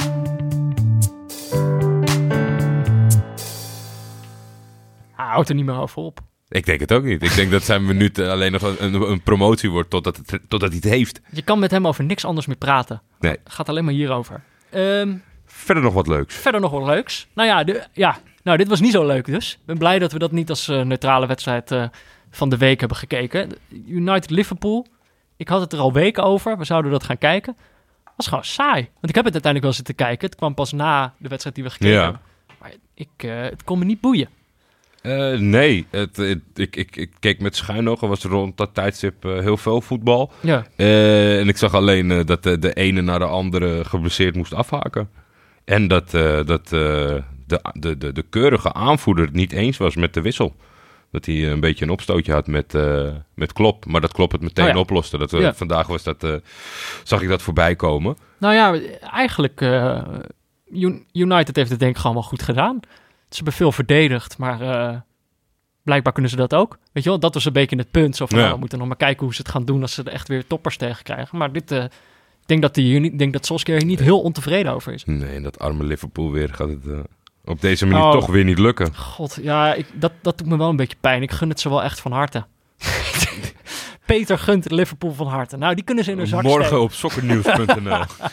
Eh, En, eh, nou heel belangrijk, heel belangrijk, wat we weer bijna vergeten, Peter. Wat? Vandaag jarig. Oh, Jij moet feliciteren. Erwin van der Looy. Erwin van der Looy. Erwin van der Looy is Nou, vandaag dat is leuk. 47 geworden. Nou, hartelijk gefeliciteerd, Erwin. Ontzettend saaie verjaardag, denk ik. omdat het een, eh, een trainer is eh, ja, die niet eh, voor heel veel plezier gaat. Maar wel Je weet het niet. Misschien dat hij in huiselijke sferen... in, in, in, in, in de, de, de crisis die even was. En de warrige tijden in Groningen. Ja, t- ja, mensen vonden het spuugsaai, maar hij won wel. Mhm. Maar dat is mooi aan de voetbalsupporter. Want die, dan, dan, dan winnen ze een beetje. Maar vinden ze het saai, komen ze niet. Staan ze onderaan. Vinden ze het kut, komen ze niet. maar ik vind wel, ze hebben nu eh, eh, Danny, eh, Danny Buis... Ja. die volgend jaar gaat vertellen tegen, tegen Robben dat hij binnendoor moet. En zijn zoon speelt het toch? Ja. maar zijn zoon speelt het toch? Van? Van, van der Looy? Die Tom van der Looy, die speelt toch bij Groningen? Bij Groningen? Ja, Ja, volgens denk mij ik. wel. Het Of zou wel kunnen. Het is wel een groot talent, volgens Nou, mij, Jong Oranje. De reden waarom ik dat zeg is dat ik nu met voetbalmanager... Ik heb je al eens verteld dat ik eh, Zeker. on- online, eh, eh, eh, online competitie speel tegen, tegen Bowie. Ja. Eh, jou ook wel bekend. eh, goed, eh, vriend van de show, eh, ook van Das Mag. Eh, en ik ben daar nu FC Groningen en hij is Heracles Almelo. Maar ik heb dus Tom van der Looy in mijn selectie. En dat is een beetje... Ik zit daar een beetje mee in mijn maag. Ik kan niet echt een plek voor hem vinden in mijn team. Dus ik heb hem nu verhuurd aan de graafschap. Oeh. Dus Tom, als je luistert, eh, het komt wel goed hoor. Ik heb wel vertrouwen in je. Je hebt wel talent. Vooral mentaal zit het helemaal goed. Ik vind alleen fysiek en, eh, en technisch mag het allemaal nog wel een stapje beter. Ja, hij moet er even, even gas op geven. Maar dan komt hij, komt hij weer terug en dan, eh, dan krijgt hij gewoon weer een volledige kans in, de, in mijn eerste selectie. Dan wil ik hem toch even op het hart drukken. En gefeliciteerd met je vader trouwens. Leuk dat je, leuk dat je luistert. Feliciteren vandaag verder jarig Willy Brokamp, 73 geworden, vrijbuiter en Limburgs beste voetballer ooit. Kwam uit voor Ajax, MVV, werd ook wel de Witte genoemd. Vanwege zijn helblonde haardos. Een andere bijnaam was dan ook de Blonde Pijl. De blonde pijl. Die vind ik leuker, dan de, goddelijke kana- vind ik leuker dan de goddelijke Canaries, toch? Ja, en dan een beetje eentje dubbel gevoel, want over het algemeen vind ik dat PSV spelers aantrekt die bij de club PSV passen. Maar op een gegeven moment nam natuurlijk eh, Guus Hiddink eh, wat eh, mensen mee vanuit zijn succesvolle periode. Dan wel niet via matchfixing geregeld in Zuid-Korea. Jisung Park Ja. vond ik samen met uh, Pyong Lee. Ik, ik vond het vervelend dat die... eh, dat die Die vond je niet bij PSV passen? ik, nou, ik, ik, ik, ik heb eh, daar nooit vervelende gevoelens bij gehad. En ik vond ze allebei ook heel goed voetballen. Eh, ik vond het altijd eh, vervelend dat ze bij PSV zaten. Want Ja. ik vond uh, ik, Jisung Park echt goed. En dat heeft hij natuurlijk ook wel weten uit te bouwen toen hij naar Manchester United en daar gewoon nog heel veel wedstrijden heeft gespeeld. Ja, eh, nou ja, voor mij is dat echt, dus voor mij is dat juist heel erg een PSV-speler. Wat ik net ook al zei, ik woonde toen in de Aspergestreek. Ja, En eh, ik had allemaal vrienden die voor PSV waren natuurlijk. En, en op dat moment waren volgens mij net Jisung Park en Jong naar, eh, naar PSV gekomen. Ja. Dus net toen ik een beetje voetbal begon te volgen, waren dat onder andere de gezichten van PSV. de iconen. Hartstikke leuke spelers, allebei. Dus, en Jisung Park is dus jarig. Ja. Nou, die wil ik echt van harte feliciteren. Ik ook. Vind ik hartstikke leuk. Gefeliciteerd.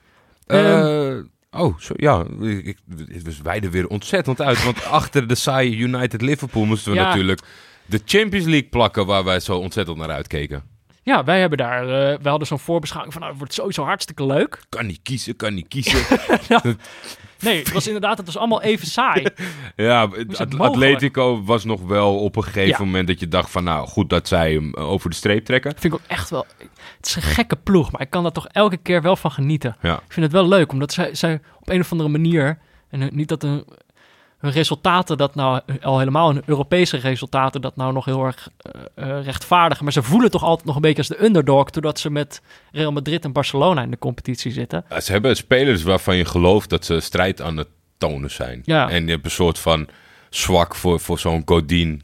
Die, die, die gewoon elke keer dat je hem Ja. ziet, 90 minuten lang, alles geeft. En ik ben ook echt wel een, eh, een Griezmann-fan. Vind ik echt een leuke speler. Terwijl ik zat dan ook weer naar die samenvatting te kijken. Ik denk, ja, waar zit hem dat nou in? Ik denk toch ook gewoon, misschien gewoon wel alleen in uitstraling of zo. Dat ik hem gewoon wel vet vind om, om hem te zien voetballen. Ik vind het mooi dat vooral bij dat duel... eh, hoe dat dan kan, zeg maar. Diego Costa wordt geraakt. Ja. Is op het randje van de 16 meter. Ja. Costa ziet dat, weet dat. Laat zich vallen. Doet de armpjes omhoog. Draait zich om. Je weet het nooit. Ja. Eventueel penalty. Mensen worden helemaal gek op het moment dat hij dan dat, dat het plaatsvindt. En dan vinden ze dat ze- hij zijn tweede gele kaart moet omdat hij eh, een schwalbe maakt. Maar volgens mij kan dus nooit bij contact het een schwalbe zijn. Hij probeert er meer van te maken. Ja. Daar kijkt de scheidsrechter naar, die beoordeelt dat. Maar dat is toch geen... Ja, dat, dat vind ik altijd ook een beetje het lastige aan Schwalbes. Of in ieder geval überhaupt aan, aan, de, aan de regelgeving. Dat soms is het echt beter om te gaan liggen. Zelfs als je kan blijven staan. Ja, Want als je blijft staan, dan krijg je hem niet mee. Zeg maar, dat gebeurt heel vaak. Dus er wordt vaak geadviseerd van ga maar liggen. Maar dan krijg je dus inderdaad dit soort situaties... waarin je met een beetje contact je- denkt... ja, daar val je toch niet van. Maar ja, Ja, als hij niet gaat liggen, hij op zijn, op zijn, op zijn... Kijk, ik vind als je van voren iemand benadert in de 16 meter... daar zijn ze nogal kundig in van ik ga over de knie. Ja. Daar kan je scherp op zijn. Maar als, jij, eh, als degene die achter jou loopt jou aantikt... of je kuit of je hak... dan is dat... no- ja, of jij nou je Ja. armen naar voren doet...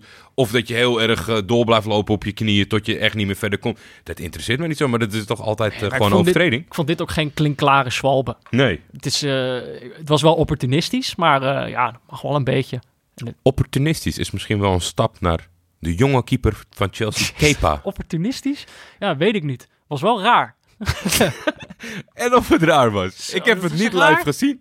En je ziet dan zo'n zo'n filmpje, daar staat dan boven. Dit heeft u nog nooit gezien. Ja, dan denk, Nou, je, nou, dan kom maar weer op. dan denk je, dit heb ik al tien keer eerder gezien. ja, Maar dit had ik nog nooit gezien. Nee, dit was zo raar. Het was eh, de finale van de League Cup.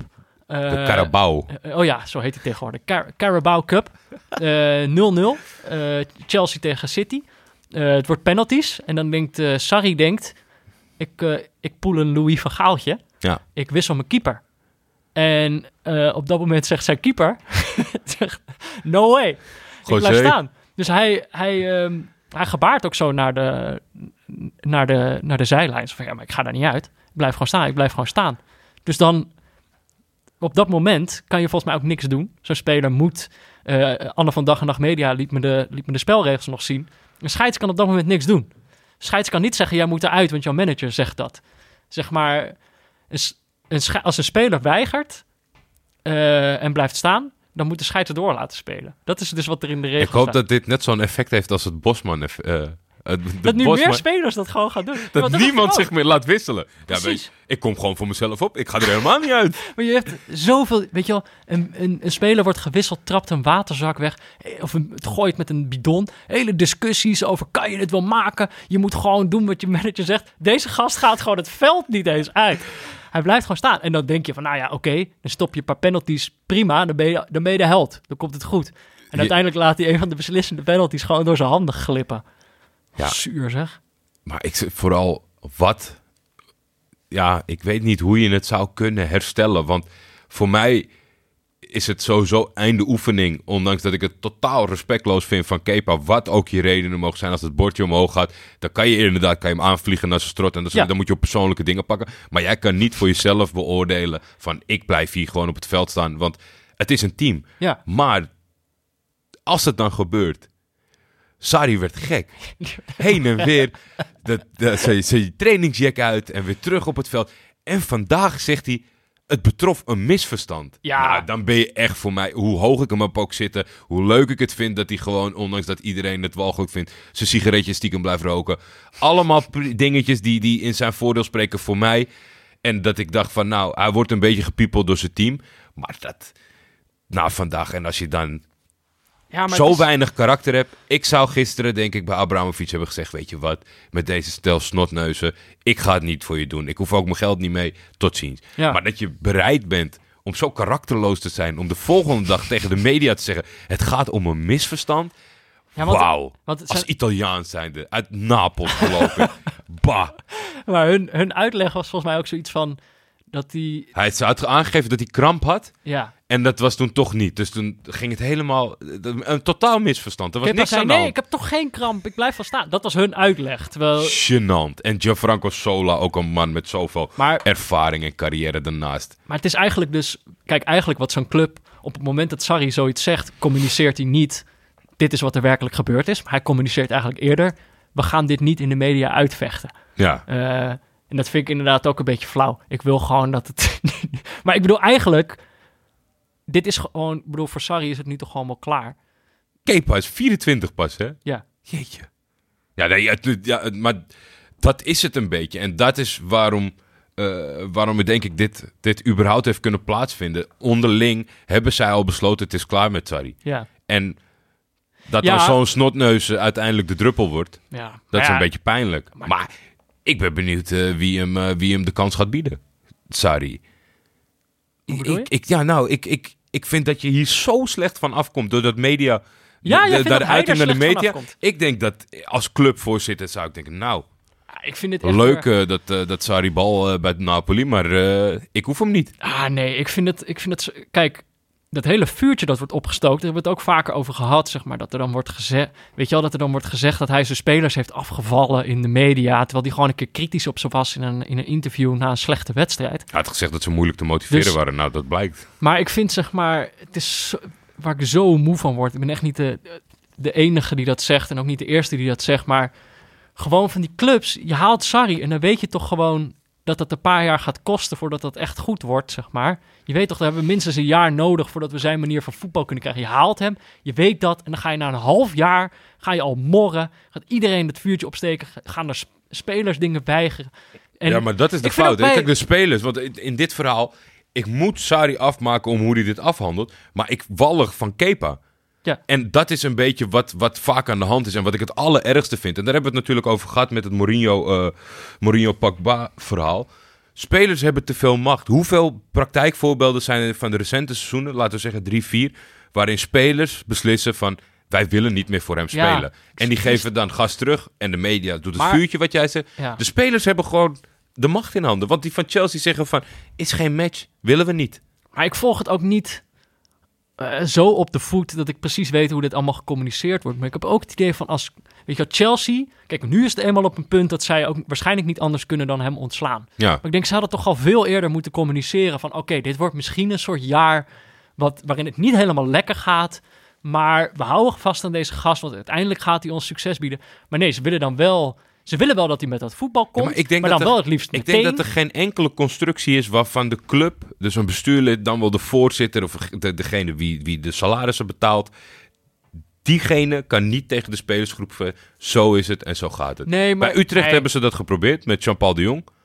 Toen heeft eh, Ja. de, de spelersgroep had aangegeven van, nou, wij denken niet dat hij capabel is. Dat vind ik nogal wat van zo'n, weet je, medium elftal. Toen heeft de, de voorzitter, eh, de eigenaar Frans van Seumer gezegd, jongens, ik wil hem en we gaan het gewoon doen. Ja. Nou ja, hoe lang heeft dat eh, volgehouden? Stond Ja. eh Dick Advocaat alweer te Ja, maar marcheren? ik vind, kijk, Jean-Paul de Jong is dan misschien weer een slecht voorbeeld van, heeft die zich nou al bewezen? Terwijl, Nou, oké, ja, als maar... trainer, terwijl Sarri heeft toch gewoon al laten zien wat hij kan. En daar was het ook niet, was het ook niet meteen raak bij Napoli. Ik Nee. vind gewoon, zeg maar, ik vind het zo triest. Dan, clubs willen het wel een beetje, maar ze kiezen nooit echt voor zo'n trainer. Dus, weet je, en nu ook weer dat Leicester die dan weer Claude Puel ontslaat. Ik vind dat ze ook zo, in zo'n korte tijd zo'n trieste club geworden. Terwijl ze juist een soort voorbeeld waren voor hoe je met, met een ander beleid ook succesvol kan zijn. In, in de Premier League, nota bene. En dan gewoon Ranieri ontslaan als het net eventjes tegen Ook spelersgroep. volgende... Ja, Was precies. ook ik vind spelersgroep. het allemaal triest. Ik vind Ja, het ik vind het ook triest, behalve Cloud Puel. Gewoon saai, man. ik ga hem niet missen. Peter, er is een mascotte Ja, van Leganes. ik kreeg... eh, Is het een augurk of een komkommer? Nou, Ed, Ed de Guusman stuurde, stuurde een mascotte door. Dat vind ik het toch grappig. Op een, je hebt het één keer over het NK mascotteschaatsen gehad. We hebben, we hebben het over Kroki gehad. En nu, elke mascotte die mensen tegenkomen, daar sturen ze als berichtjes over. Ik kreeg inderdaad een, een man verkleed als augurk. Kreeg ik opgestuurd. Dacht ik. Het is geen augurk, het is een komkommer. Ik heb het even gecheckt. Ik Oh, het staat eronder, sorry. dacht, ik check het even voor dat... Super Pepino. Super Pepino heet hij. En het komt omdat eh, hij is van Leganes. Het is de mascotte van Leganes. En eh, bij Leganes worden ze ook wel Los Pepineros genoemd. Eh, en dat betekent, tenminste, dit heb, ik, dit heb ik dan weer niet gecheckt in een woordenboek of zo. Oh. Maar dat betekent de komkommertelers. Dus het is een, het is een komkommerclub. En daarom hebben ze een komkommer. Hij heeft ook een soort masker op. Het lijkt een soort, hij heeft een soort Ninja Turtles masker. Ja, ja, hij lijkt een beetje op Leonardo. Maar dan een, maar dan een komkommer. Ja, Los Pepineros vind ik een stuk interessanter klinken. Maar dat is meestal dan dat je het vertaalt. Want komkommertelers, kom op, ik ben kritisch geweest over Cornaris. Maar komkommertelers is nou ook niet om te zeggen van jongens. Nee, toch? Dat, is niet, dat, dat lijkt me nou een leuke club. Maar ik vind wel een leuke mascotte. En een lachende augurk. Komkommer, sorry. Hij is wel vrolijk, want niet alle... Super Het lijkt me dat je als, als mascotte gewoon vrolijk moet zijn. Dus dat, hij scoort bij mij hoog. En Ja. ik denk dat hij een goede schaatshouding heeft. dat denk ik ook. ik hoop dat ze hem uitnodigen. Ik hoop dat het het NK, dat dat niet alleen maar het NK blijft. Dat we zo meteen een EK en een WK gaan krijgen. Olympische sport. Oh, dat zou wel leuk zijn. Ja, het was, ik kreeg... Wat was dat nou? Volgens mij zag ik bij Daniel van de Week dat ze serieus overwegen dat breakdance een Olympische sport wordt. Oh ja. In dat geval kan mascotte schaatsen ook, mensen. De winterspelen dan. Lijkt me wel leuk. En nog een ander berichtje, ook van een, eh, van een luisteraar. vriend van de show. Echt van, eh, van zo'n beetje het eerste uur al. Die is er al lang bij. Absoluut. Eh Jelmer de Boer. En ik vond eigenlijk, hij had een heel mooi punt. We hebben een hele discussie in het Nederlandse voetbal over het feit, die wedstrijd van Ajax die, tegen PEC die dan wordt verzet. En de argumentatie is dan steeds, ja, wij spelen drie wedstrijden in een week. Is dan steeds de argumentatie. En die komt steeds weer terug. Want eh, Ajax speelt dan drie wedstrijden in de week en dat is te veel. Maar dat is natuurlijk eigenlijk niet zo. Ze spelen niet drie wedstrijden in de week. Want ze pakken dan de wedstrijd van het ene weekend, de wedstrijd eh, midden in de week en dan de wedstrijd van het volgende weekend. Dus Ja. dan pak je eigenlijk pak je twee weekenden erbij. Twee weekenden. Dus dan speel je drie wedstrijden in, eh, in negen dagen of zo. Nou, en dat vinden ze dan, of in acht dagen. En dat vinden ze dan te veel. Maar ja, als je dat dus drie wedstrijden in de week noemt, dan heb je automatisch ook weken waarin je gewoon maar één wedstrijd speelt, of zelfs nog minder. En Jelmer had dan zo'n hele, hele rekensom gemaakt. Wie als dit echt waar is, dan speel je meer dan 100 wedstrijden in het seizoen. Ja, En dat dat, is niet helemaal uit. Nee. Nee, dat komt niet helemaal uit. Maar dat vind ik zo'n. Ik vond het wel een mooi voorbeeld. Kijk, het is natuurlijk een heel, een heel simpel dingetje. Maar die frase, drie wedstrijden in de week, die hoor je dan in elk, elke discussie hoor je dat weer terugkomen. Van ja, maar Ajax speelt drie wedstrijden in de week. En, en dan, dan kijk je er even één seconde langer naar. Je denkt er één seconde langer over na. Dan denk je, ja, maar het is helemaal niet drie wedstrijden in de week. Het zijn er eigenlijk twee. Het zijn twee wedstrijden in de week. Kijk, en dat verandert misschien niks aan het feit dat het programma dan heel zwaar is en dat het gunstiger is om het op een andere manier te doen voor het Nederlandse voetbal of zo. Maar ik vond het een mooi voorbeeld van hoe hele discussies gevoerd kunnen worden met dingen die niet kloppen. En dat gebeurt in het voetbal zo vaak. Zeker. dit was echt, dit was een soort miniatuur Pieter Zwartje. Dus je checkt gewoon één zin. Eén zin en kijken of dat, eh, of dat eh, kloppend is. Ja, heb je nog verder een mening over, eh, over eh Packgate of eh, Verplaatsing Nee. Gate? Nee.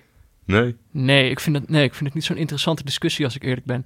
Wat ik wel een interessante discussie vind, is, is natuurlijk de coëfficiëntenlijst. Dat is gewoon, dat is natuurlijk wel een probleempje. Of ja, ik moet zeggen dat ik dat een interessante discussie vind. Ik vind het een beetje, zeg maar, jarenlang zijn, weet je wel, PSV die dan een B-elftal opstelt in de Europa League. Van ja, het draait om die competitie. Die zich daar gewoon maar uit laten schakelen.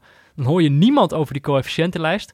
Pas als het zeg maar echt dringend wordt, dan Ja. is opeens, dan moeten er allemaal dingen verzet worden. Dan had de KVB toen ook moeten zeggen van... Hey, PSV, wat de fuck doen jullie? Doe gewoon eens je best in die wedstrijd. Toch? Ja, zeker, zeker waar. het- Maar het is een beetje, ja, het is, het is sowieso, eh, denk ik, een, een redelijke non-discussie. Want er- je hebt niet zoveel invloed, denk ik. Ik denk dat ze eh, goed eraan doen om, eh, wat andere landen ook doen, om wat te helpen op het moment dat de Nederlandse clubs eh, Europees spelen. Ja. Om in ieder geval, ik, kijk, ik ben wel van mening, dat, dat vond ik ook met dit punt. je doet dat in het weekend. En dat weekend mag voor mij tot maandag duren. Dus stel, Ajax speelt op woensdag. Dan mag jij zij die, die maandag laten spelen van mij. Maar ik vind dan woensdag is dan wel weer echt de start van iets nieuws. Ja. Dus ik vind dat daar wel een limiet op moet zijn. En dat je daarmee kan spelen om die clubs Europees te helpen. Maar wat kan je, wat kan je er nou uiteindelijk aan doen? Die coëfficiënten, ja, nou, eh, iedereen Nee, die... dat is natuurlijk het ding. Nu wordt er opeens dan geappelleerd aan een soort... Dan zeggen ze, ja, nee, maar het is goed voor het Nederlandse voetbal. Er wordt er geappelleerd aan een soort collectief besef. Terwijl al die clubs willen natuurlijk gewoon doen wat het beste is voor hunzelf. Ja, zeker. En- en maar het is ook altijd hi- hilarisch, vooral vind ik, het, het moment dat clubs gaan zeggen van... Ahead Eagles, de Europa League in. Dat is, dat is funest voor het Nederlands voetbal. Terwijl de clubs die daar kritisch over zijn, die redden zelf vaak niet eens meer dan één ronde. Ja. Ondanks dat ze wel hun best doen. Kijk, PSV met dat uitlaatschakelen in de Europa League, dat vind ik een heel, heel ander punt. Wat wil je daar tegen doen? Want dan verzinnen ze weer iets anders. Precies. Waardoor ze dat omzeilen. dat, dat is het ik. karakter van de club. Ja, Maar die, die kleine clubs die, die elkaar dan zo verwijten van... Oh, Heracles tegen Aruka, het is kansloos, het kost ons weer punten. En dan zelf het, het ook nooit halen. Ja, ja. ik, ja, weet ik niet. Volgens mij is de deelformule, uiteindelijk is dat het wel... is de formule waardoor je het, eh, door het aantal clubs waar je het moet delen... dat het iets gunstiger is als er minder clubs meedoen. Maar dat Ajax nu een keer overwint, het is ook een momentopname, denk ik. Ik weet het niet. Het, is, eh, het, het wordt steeds lastiger, denk ik, uiteindelijk. Eh, Ja. De kans wordt steeds groter dat je dat eindtoernooi niet gaat halen. Dat lijkt me wel jammer. Eh, maar het gaat natuurlijk, het gaat natuurlijk over die... eh, het staat morgen ook op alle sites. Peter vindt het jammer. Ehm, het, dat, het gaat natuurlijk over die wedstrijd eh, tegen Real Madrid. En er was wel iets met Real Madrid. Ik probeer een bruggetje te maken. Hoor Oh, ik merk het. Hoor je dat? Ik heb hem eigenlijk al gemaakt nu. Ja, We zijn zeker. al over het bruggetje heen. Als we gaan even VAR- een. ik, ik, ik wil eindigen met een li- literatuurpuntje. En dan gaan we nu nog even naar de Farbar. Jongens, kom er maar in. nou, redelijk schandalig. Casimiro die, die, die, die springt. Ik vind dat al gewoon bewonderingswaardig. Dat je zo een valspeler bent. Ja. Dat je met. Want dat heb ik me altijd verbaasd. Dat mensen die zo eh, iets theatraals doen. Weten dat het tegenwoordig vastgelegd wordt door 80 verschillende hoeken en camera's. Dus je, je wordt daarmee geconfronteerd en iedereen Ja. vindt je een lapswans. En toch denk je van, Real Madrid moet winnen, ik ga dit ervoor doen. En dat gewoon keer op keer. Omdat, Het was echt, echt bizar. Want je ziet dan, weet je wel, hoe ik zo'n zo'n zo'n filmpje uiteindelijk weer onder ogen krijg, is iemand die, die dan weer zegt van ja, de, de Real Madrid lobby in de, in de Primera Division is wel weer hard bezig. En dan, ik word dan gelijk al moe. Ik geloof gewoon niet. Jawel, dat- dat topclubs worden dat zijn lobbyisten. Ja, nou, lobbyisten zullen er zijn, maar ik geloof zeg maar niet dat, dat specifieke beslissingen worden ingegeven door, zeg maar, weet je wel, net als dat ik Ik bedoel, wou dat ik nog zo naïef was, Peter. de, nou, Ik kijk vol jaloezie naar je op dit de, moment. weet je wel, die hele discussies over hoe de KNVB Ajax zou bevooroordelen. En Ajax-supporters vinden dan weer dat Feyenoord altijd wordt bevooroordeeld. Het is allemaal altijd ingegeven door, door een soort gevoel dat je zelf tekort gedaan wordt. En daar word ik altijd zo moe van. Maar dit was dus hoe ik dacht voordat ik dat filmpje had gezien. dat je kijkt dat filmpje en dan zie je echt de ziekste schwalben. Nou ja, dat je er in eerste instantie intrapt als scheids. Het ziet er wel lijp uit. Zeg maar, die verdediger doet wel een soort van ge- gevaarlijk spel. Dus je kan, ik kan me voorstellen dat je in eerste instantie in het moment zelf denkt, ik Maar geef hem. Daar komt het. Er is een VAR. Dan heb je de VAR. Dan zie je die beelden terug. Dan zie je dat het echt het ziekste aanstellen is wat je, wat je in tijden hebt gezien. En gewoon een sprong in het niets. En dat je dan volhoudt. Ja, het is inderdaad de speler die zo nadrukkelijk de penalty wil hebben. Ja. Ik vind het echt een andere orde dan Costa, waar we het net over hadden. Ja, die hem zo nadrukkelijk wil hebben. En dat je dan dat je hem nog geeft ook. Het is ongelooflijk. Van, en, nou ja, en het ding is dus ook nog, daardoor winnen zij die wedstrijd. Dat is natuurlijk wel het kutte. Want als het een 4-0 is of zo, of een wedstrijd die Real Madrid toch wel wint. Kijk, dan maakt het natuurlijk nooit zoveel uit. Maar dit was echt een... eh, dit, dit hadden ze wel even nodig, zeg maar. Ik vond het echt bizar. Ik snap een, het eh, niet. een vreemd moedje. Maar is dit... Dit is een beetje... Want we hadden natuurlijk dat moment met Van Boekel eh, weer in de Weer. Eredivisie. En, en wat daar volgens mij steeds in terugkomt... is dat scheidsrechters zelf vinden de VAR ook nog heel erg lastig. Want ik, voorheen had ik al het idee van... ja, vooral wij als kijkers vinden dat heel erg moeilijk. Ja. eh, om te accepteren dat, er, dat het nu gewoon even op een andere manier gaat. En dat er in het begin nog dingetjes fout gaan. Maar scheidsrechters zelf dus ook. Dat scheidsrechters Als je, zelf... als je het moment met Paul van Boekel... Hij fluit in eerste instantie voor de penalty voor Fortuna. Daarna gaat hij naar de VAR en dan ah, trekt hij hem in. Ja. Omdat hij het toch niet zo vindt. Maar als je alles wegdenkt, alle commotie en alle meningen daarover... dan komt er eigenlijk, wat ik uit zijn verhaal opmaak... is dat hij zegt, twee weken geleden ben ik koppig geweest. Ben ik achter mijn eigen standpunt blijven staan. Ja, is hij ook afgemaakt door de KNVB trouwens daarover-. Dus nu deed hij het zo van... Als de VAR mij roept op het moment dat ik hem geef... Ja. en zij vinden er blijkbaar wat anders van... geef ik hem niet. Ja, nou, dan zijn we wel een soort van klaar met, met het functioneren van die VAR. Ja. Iemand, sowieso moet iemand een besluit nemen. Maar dan heb ik liever... dan wat hij de vorige keer deed. Dat hij, Ja. ik vind dit Ja. en ik kan hiervoor staan. Want als nu het gevolg is twee weken later dat hij zegt... ik vind het van niet, maar jullie blijkbaar wel. Nou, da- dan functioneert het gewoon niet Ja. meer. Maar want dan vind- kan de VAR ook niet ingrijpen. Want dat zou al een soort signaal zijn van de scheidsrechter. Oh, ik heb het fout gedaan. Ja, maar ik denk dat dat dus echt daar... Er wordt echt een soort aanspraak gedaan op een andere eigenschap van een scheids of zo. Eh, van Boekel is, is, is wel de meest opvallende. Die kan daar het, toch op een of andere manier het slechtst mee omgaan. Het feit dat er iemand anders zit mee te kijken, die Ja. hem kan corrigeren. Blijkbaar vindt hij dat toch heel moeilijk. Ja. Terwijl, ja, ik... eh, kijk, wat ik, wat ik gewoon frustrerend vind, is dat ik denk, dit is ook een van die kinderziektes. Kijk, bij Van Boekel zie je dat erger. Je moet er meer aan wennen dan andere scheidsrechters. Maar dat dan in allerlei discussies is dan één zo'n voorbeeld van één scheidsrechter die, die er een beetje mee worstelt, is dan een voorbeeld om er meteen maar helemaal mee Doe te ik maar kappen. op. Ja, Doe ik maar op, jongens. zie je wel, het Dit werkt niet. Dat vind ik zo, zeg maar, ik denk, tuurlijk moet er echt nog wel aan, ge- gedacht worden aan een soort aanpassingen. Ik heb, zie al, ook ik mensen heb die... al vaker eigenlijk dat ik zoiets heb van... Nou, de eerste stap is gezet. Nu moeten we gewoon even door, door mensen die daar heel veel verstand van hebben... moet het even heroverwogen worden. Even opnieuw geprogrammeerd. Even wat fine-tuning. Ja. Want in elk land is er gewoon wat moeite. Vooral op het moment dat het discutabel is... kan er geen eenduidig besluit worden genomen. En of ik nou helemaal... Kijk, ik, ik, ik denk dat je er... Je maakt het erg computerig door te zeggen van... eh, de VAR beslist en niet de scheidsrechter. Die krijgt dan ook een soort van andere rol...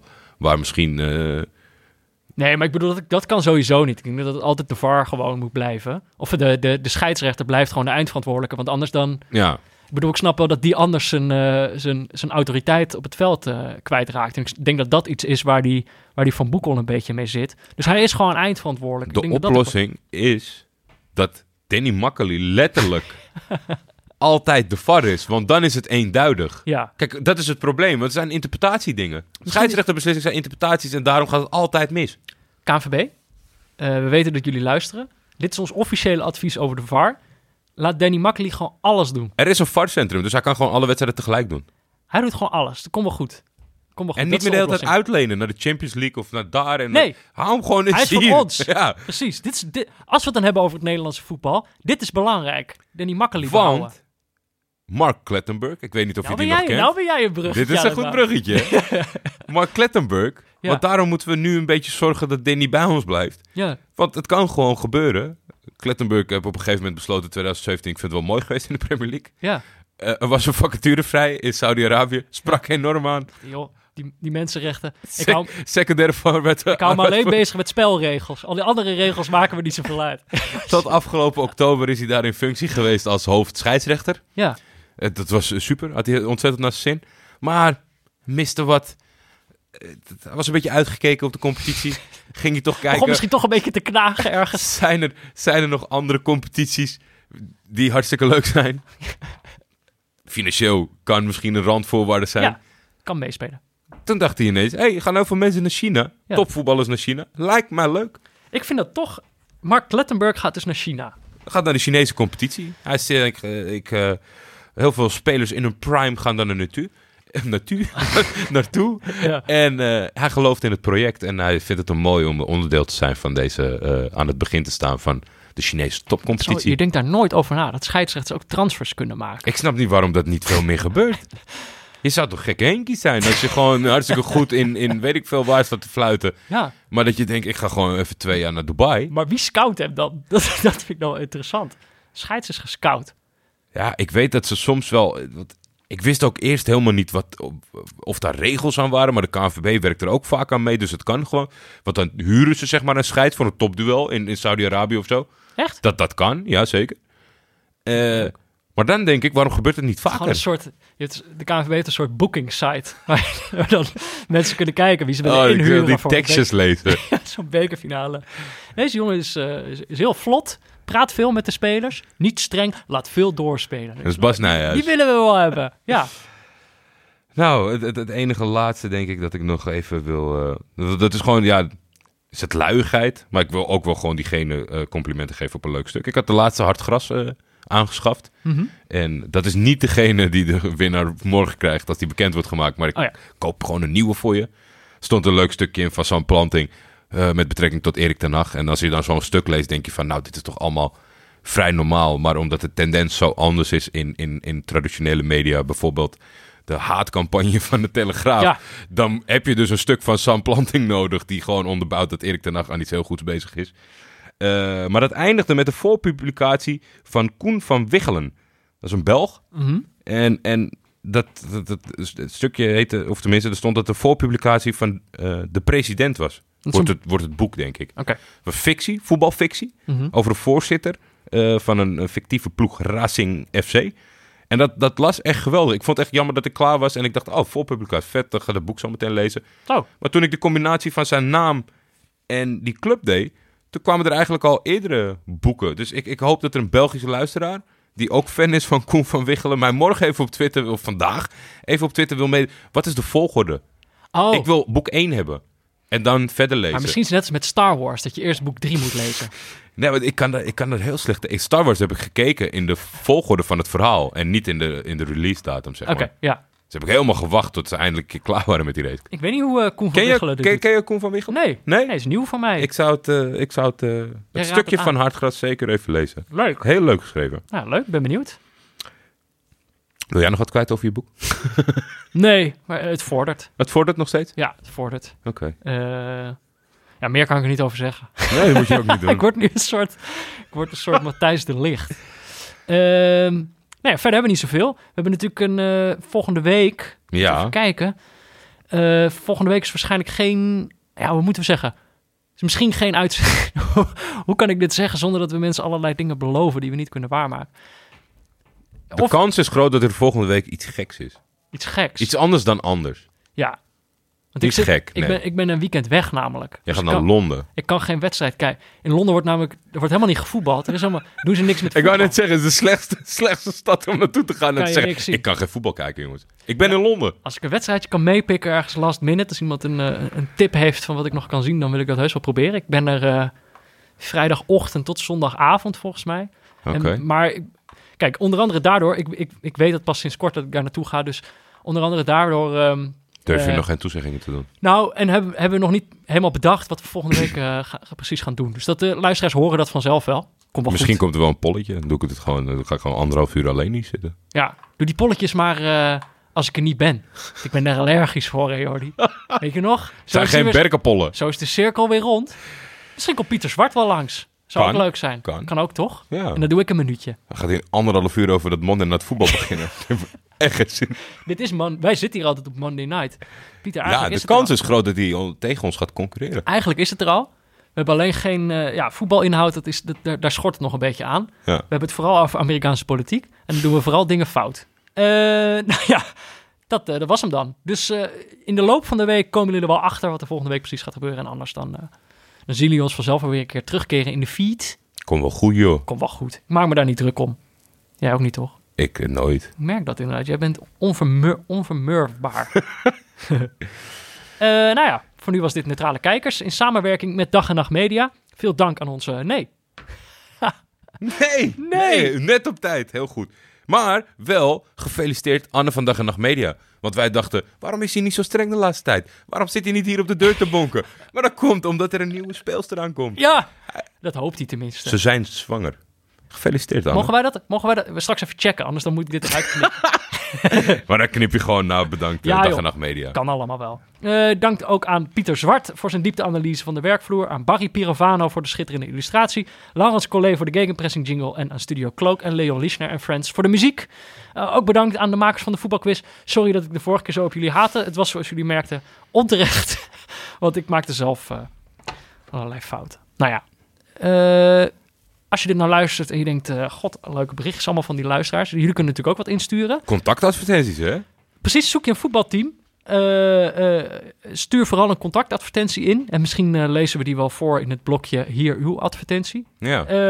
Kan naar neutralekijkers.gmail.com. Het werkt tweeledig trouwens. Hè? Je kan zeggen van ik ben een man 28 uit Utrecht en ik zoek een team. Maar je kan ook zeggen wij zijn een team en we hebben er net eentje te weinig vaak. We Ja. zoeken iemand. Precies. Dan kunnen we misschien ook matchen. Dat zou, ja, dat zou ik leuk vinden. Nou, eh, doe dat dan. Je kan ook gewoon andere leuke berichtjes sturen naar Jordi of mij op Twitter. Zeker. Eh, eh, hopelijk, ja, deze keer gewoon weer wat anders dan rectificaties. Dat zou ik toch wel leuk vinden. Als we deze keer gewoon echt weer wat interactie hebben. In plaats van alleen maar de constante bevestiging dat je dommer bent dan je denkt. ja, Snap je? absoluut. Ehm, Stuur eens gewoon een, een, een, hart onder de riem. hey, had jij nog een leuke recensie ge- gelezen? Oh, nee. Zal ik even checken of er een leuk is? Kijken, neutrale kijkers. Ga ik dat gewoon even live opzoeken. Want we hebben natuurlijk... Ik had gezegd dat jij iPad weer had... en dat mensen dus weer moesten, Ja, dingen moesten insturen. Heb je, heb je niet gelezen? niet over nagedacht. joh, joh, je hebt een kind. Ja. Je, je, hebt, je hebt het beste excuus gekregen dat je maar kon wensen. Sorry. Even kijken. eh, hebben, we, hebben we hier wat? Er staan hier geen datums bij. Oh jawel. 21. Ja, kijk. Deze vind ik top. Ja? Vijf sterren. De, de recensie heeft de titel Leuk. Hij is van Bart Vriends. Die is volgens mij ook... Dat is niet de voetballer van... eh, niet, is het nog steeds Sparta? Ja. Eh, niet de voetballer van Sparta, want er staat namelijk geen D tussen. Maar wel iemand die een keer iets heeft ingestuurd voor, eh, voor eigen tijden sport. Ja. Zijn recensie over deze podcast luidt... Is leuk. Wat? Is dat het? Dat is hem. Vijf sterren, Jordi. Ja, niks te klagen. Oh, je bent zo- je bent zo'n man van de cijfers. Is leuk. Nou, meer hoef ik niet te weten. Te, blij. veel, te veel credits voor eh, weinig moeite. maar toch bedankt hè Bart, want vijf sterren zijn belangrijk. We moeten gevonden worden. Hey, ehm ja, ik wou zeggen, volgende week zijn we er weer. Je kan ook, eh, ja, ja. Misschien. Tot dan in ieder geval, Jordi. Tot dan Peter. Nou, leuk toch? Moet ik, oh, het, het zijn Wil het je ding nog wat zeggen? Zijn het ding vergeten? Wat? Zal ik dat gewoon, Wat zal zou ik dat vergeten? gewoon na de notities oplezen? Ja, kunnen we nu gewoon voorlezen. Ja? Als mensen nog luisteren. Ja, dit is, oh ja, dit is één eh, Voor Zeeland. over luisteraarsparticipatie gesproken. Over luisteraarsparticipatie gesproken. Peter, heel toevallig. Ik heb vandaag eh, eh, af, wat is het? Voor, afgelopen weekend heb ik een, een, het eerste tripje van, eh van Fik, Lot en mij geboekt. Echt? Dat gaat naar Zeeland. En toen open ik de mailbox, was er een heel mooi verhaal over Zeeland. Dus ik denk, mensen, ja, wie dit heeft weggeklikt, heeft weggeklikt. Maar dat kan je nooit gokken bij ons. Wij kregen post.